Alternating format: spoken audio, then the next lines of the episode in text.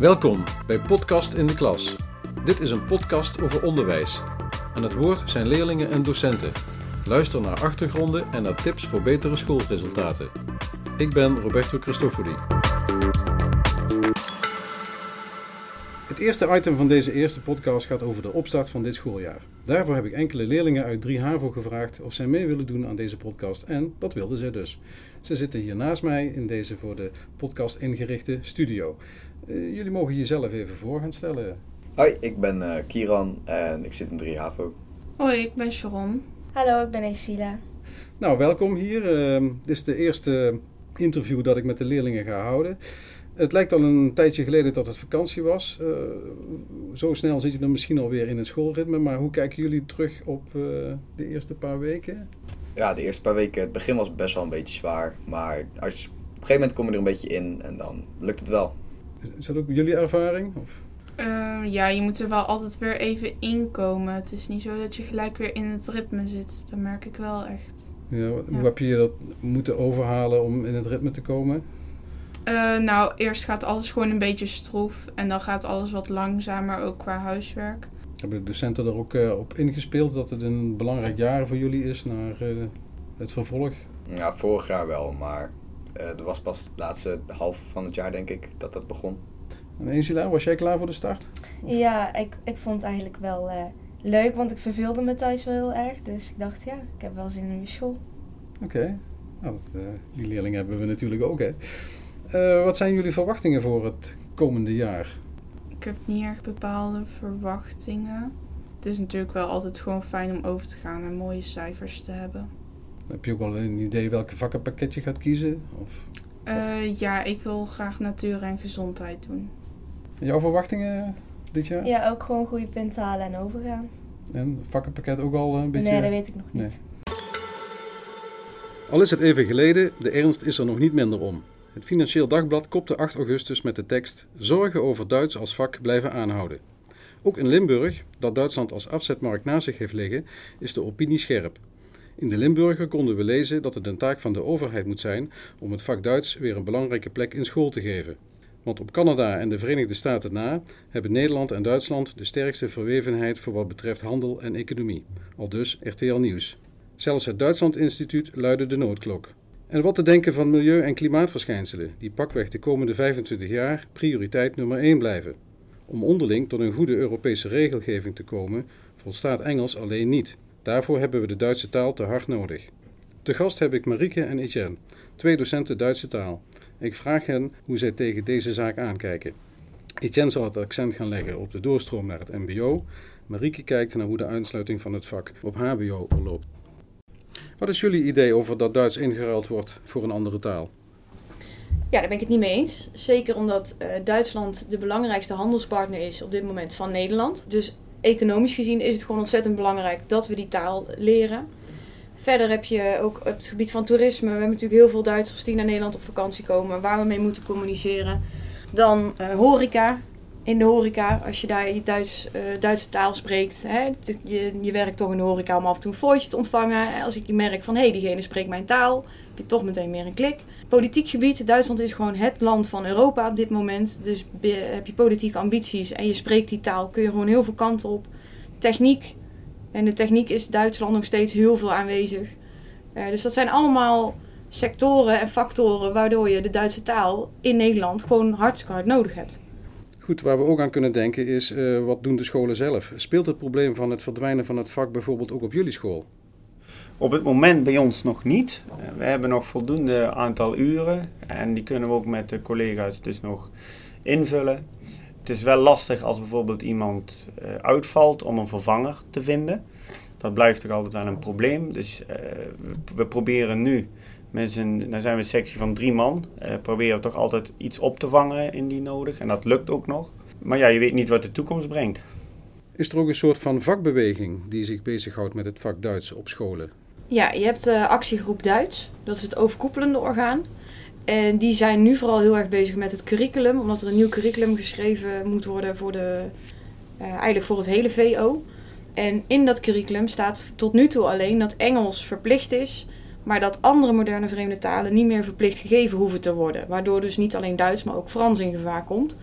Ehm, dus die is zich daar heel erg eh, op aan het richten dat dat in dat curriculum blijft. Dat een vreemde taal, dat dat gewoon verplicht blijft. Zoals het nu op het VWO is. En dat het op het HAVO ook nog steeds als keuzevak aangeboden eh, blijft worden. En dan heb je nog de groep uh, Magmit. En die focust zich echt op middelbare scholen. Die promoot het vak ook op middelbare scholen. Die kun je als school zelf ook uitnodigen. Die organiseren ook een open dag van de Duitse taal. Dus dat zijn de twee, eigenlijk de twee belangrijkste groepen. En het Duitsland Instituut heb je ook nog verzorgt eigenlijk vooral veel materiaal voor scholen, zodat jij zelf in jouw les het vak kan promoten. Nu las ik laatst ook nog ergens dat er een vereniging van leraren in levende talen is. En dat deze vereniging allerlei geluiden uit het veld hoort. Bijvoorbeeld dat scholen het vak al helemaal niet meer aanbieden, of dat uh, leerlingen de mogelijkheid krijgen om het vak zelfs eerder te laten vallen. Lijkt het nu niet alsof het een beetje tijd geworden is om Duits te kiezen in plaats van exact? Eh, verander de campagne dan kies Duits in plaats van kies exact. Want uh, ja, wat je net zei al, uh, Marieke, Nederland is een handelsland en Duitsland is nog steeds de belangrijkste partner. Er komen nog steeds veel Duitse toeristen naar Nederland en volgens mij is het in ons eigen belang dat we de Duitse taal goed spreken. Even terugkomend op dat kiezen van je vak. Bieden jullie op je school eigenlijk vakvoorlichting aan? Jen, hoe zit dat? Ja, dat doen we zeker. Daar beginnen we in de tweede al mee. En uh, wat we eigenlijk altijd doen is, uh, het vak verkoopt zich eigenlijk een beetje zelf. Als je naar de vacatures gaat op internet, uh, wat ik dus altijd met ze doe, dan open ik gewoon een willekeurige vacature en zeg ik, kijk wat je allemaal moet kunnen. En dan wordt er toch vaak gevraagd dat je de Duitse taal moet beheersen. En ja, het zijn toch, als je die vacatures het zien, die zijn up-to-date. Dus dat vinden ze eigenlijk dan wel heel apart, dat je dan dat zo kunt laten zien. En doe je dat aan het einde van de tweede klas, voordat ze gaan kiezen? Ja, of, uh... ik, ik, doe het eigenlijk, ik begin er eigenlijk een beetje mee in het begin van het schooljaar al. Van waarom zou je Duits nodig kunnen hebben? Mm. En dan pak ik ook bijvoorbeeld een beroep als uit de horeca pak ik dan. Dan leer ik de kinderen altijd ook zinnetjes, uh, zeg maar, die ze daar ter plekke kunnen gebruiken. want vaak moeten zeggen ouders, nou je hebt Duits, ga jij maar een, een biertje bestellen van mij of ga maar... Oké, okay, dat mogen ze natuurlijk niet, want ze zijn minderjarig. Maar een colaatje bestellen dan. Uh, dat ze zulke soort kleine dingen wel allemaal kunnen. Nou, en dan zien ze gewoon dat Duits toch wel handig is. Als ze naar Duitsland zijn geweest op vakantie, krijg je dat de week daarna terug. En dan zeggen ze, ja, ik heb dit mogen bestellen en ik kon de weg vragen en ik kon betalen en ik kende de getallen. Ik kan me verstaanbaar maken. Kijk, en je merkt gewoon dat die zinnetjes die ze dan extra leert, want die komen niet uit de methode, ja, die, die geven net wat meer, uh, meer body aan het vak. Dan kun je ook uh, het gaan hebben over dat je je vak van tevoren aantrekkelijk moet gaan maken, zodat ze het gaan kiezen. Hè? Want de concurrentie schijnt dan toch wel groot te zijn onder de talen. Of misschien ook helemaal niet, ik heb er geen idee van. Hoe, hoe zit dat bij jou, Marieke, in jouw HAVO-klasse? Nou, je moet wel, wat Etienne ook al zei, vooral de technische kant. Kijk, de economische en culturele profielen, daar kiezen er redelijk wat Duits. Maar vooral in de natuur- en techniekprofielen, daar hebben ze zoiets vaker zoiets van: oh, waarom zou ik Duits nodig hebben, een taal? Ik wil juist de technische kant op of de gezondheidskant. Dat je daarop inspeelt, dat ook in die sectoren Duits gewoon heel belangrijk is. Dus je moet dat echt in de tweede en derde klas al heel duidelijk aan ze vertellen en heel concreet maken. Dat ze weten van hé, hey, ik moet dat Duits niet zomaar aan de kant schuiven. Ik moet dat echt als serieuze optie overwegen om dat binnen in mijn profiel mee te nemen. En het vak aantrekkelijk maken, Um, dat doe je eigenlijk. Ik probeer met de dag van de Duitse taal wel altijd echt iets mee te doen. Dus een keer zo'n quizje tussendoor. En niet alleen maar uit de methode werken. Uh, logo laat ik heel veel, kijk ik heel veel mensen. Dat is een beetje een soort Duitse jeugdjournaal. Dat vinden ze hartstikke Mhm. leuk. Want dat zijn onderwerpen waar ze iets mee hebben. Wat ze ook begrijpen. En dan merken ze zelf ook van... Hé, hey, ik snap dit. Ik snap wat er gezegd wordt. Wat, er, uh, wat, er wordt laten, wat ze laten zien. Dat, dat begrijp ik allemaal. En Duitse radio met ze luisteren. Want in het begin hebben ze echt zoiets van, nou, ik snap hier niks van. En op een gegeven moment komen die file-informatie voorbij. En denken ze, oh, wacht, nee, dit snap ik. Oké. Pikken ze ook weer wat woordjes op. Dus dat je niet alleen de methode doet, maar ook echt hoe het Duitse leven echt is. Als jij in Duitsland woont, wat kijken dan leerlingen van hun, of kinderen van hun leeftijd? Wat kijken ze, wat doen ze, wat luisteren ze? En niet alleen uit dat boek zitten te werken. Dat, dat vinden ze wel heel leuk. Ik kan me nog de tijd herinneren dat ik eh, wel eens met een liedje naar de leraar stapte met een Ja. tekst. En doen, doen, doen de leerlingen dat ook, nog eens? Ja? Jawel, nou, niet echt per se meer vanuit leerlingen zelf, maar de methode geeft altijd wel liedjes aan. En zelf, eh, als ik zelf een liedje hoor op de Duitse radio, denk ik, oh, hier kan ik iets mee, dit is leuk. Dan eh, doen we dat ook. En vinden ze hartstikke leuk.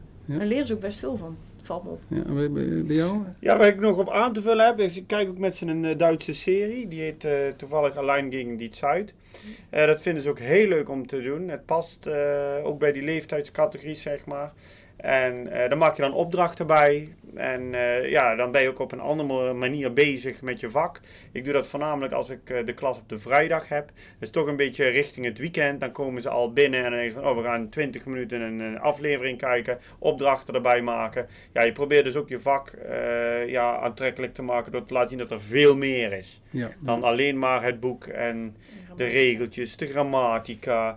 En dat vinden ze ook gewoon leuk. De serie die is wel al wat, wat ouder, maar als je ze toch laat zien, ook nu aan deze leerling, ze blijven hem leuk vinden. Want ik had ook een alternatief, uh, maar dat alternatief, dat heb ik laten zien, mocht, aan een klas mochten ze dus kijken, maar toen zeiden ze toch liever deze. Nou, uh, nou zijn jullie, dat hoor je al meteen, uh, toch wel docenten die door de wol geverfd zijn. heb je voor collega's, Duits docenten, goede tips? Nou, ik, ik denk dat je altijd, je moet het actueel houden. Dus hou jij je alleen aan de methode, die veroudert op een gegeven moment natuurlijk ook. Wij werken nu met een nieuwe editie van onze methode, dus die is redelijk actueel. Maar ik probeer wel iedere week, uh, je hebt dat Frühstuk ei heet dat, dat, dat zet het Duitsland Instituut iedere week online. En dat gaat echt over een actueel thema, daar zit meestal een filmpje bij, daar zitten ook al opdrachten bij vanuit hun. Maar daarover kun je echt met die klas in gesprek.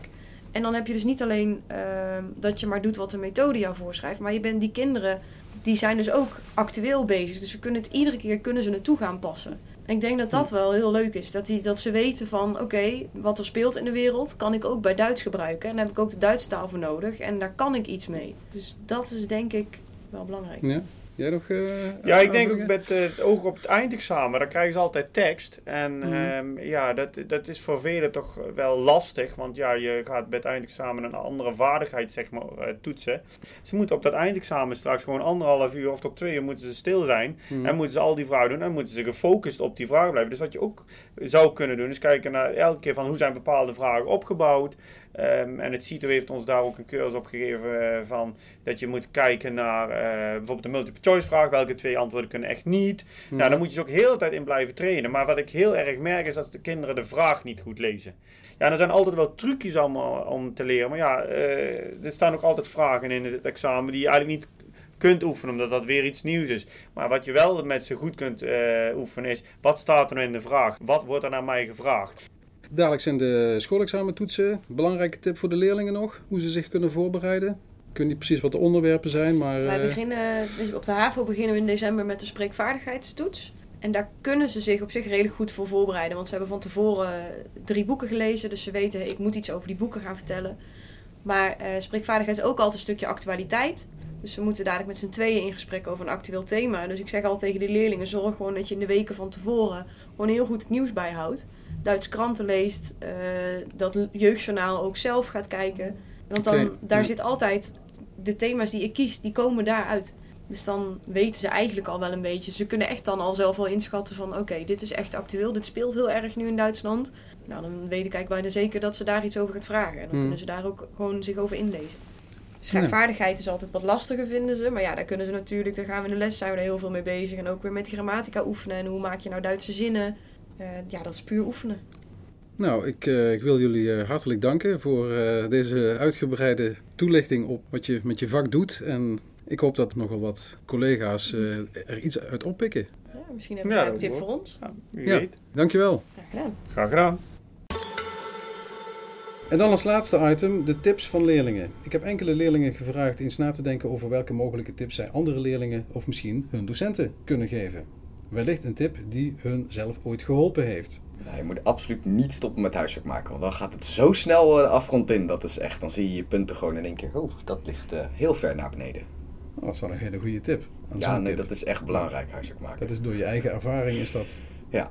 Andere tips? Plannen misschien. Goed blijven plannen. Plannen? Ja, en je aan de planning houden. Want zodra je niet aan de planning houdt, en levert dat ook een heel hoop stress op. Dat, dat je dan uiteindelijk één dag van tevoren of zo nog moet leren. En dat werkt natuurlijk niet. Werken jullie met planningen? Ja. ja? Ja. Planningen die je zelf maakt of die je van de docenten krijgt in de computer? Of... Ik maak zelf een planning op de computer. En die houd je er dus aan? Ja. Ja, Ja, zo, uh, zo werk ik inderdaad ook. Op welk moment gaat de planning uh, mislopen? Als je het niet inhoudt. Ja. Als je er niet aan houdt. Maar misschien heb je te veel gepland en wil je te veel van jezelf. Ja, je moet inderdaad wel rekening houden met wat je wil en wat je kan. En soms heb je het misschien op sommige dagen heel erg druk. Daar moet je ook rekening mee houden dat je dan niet te veel plant. Ja, precies. Word je daarin Ja. begeleid met het maken van een planning? Nee, of, ik eh, doe het wel gewoon zelf. Ja. En eh, zo probeer ik gewoon verder te komen eigenlijk. Ja, ja. In de eerste kun je wel begeleiding krijgen van bepaalde docenten die hier moeite mee hebben, leerlingen.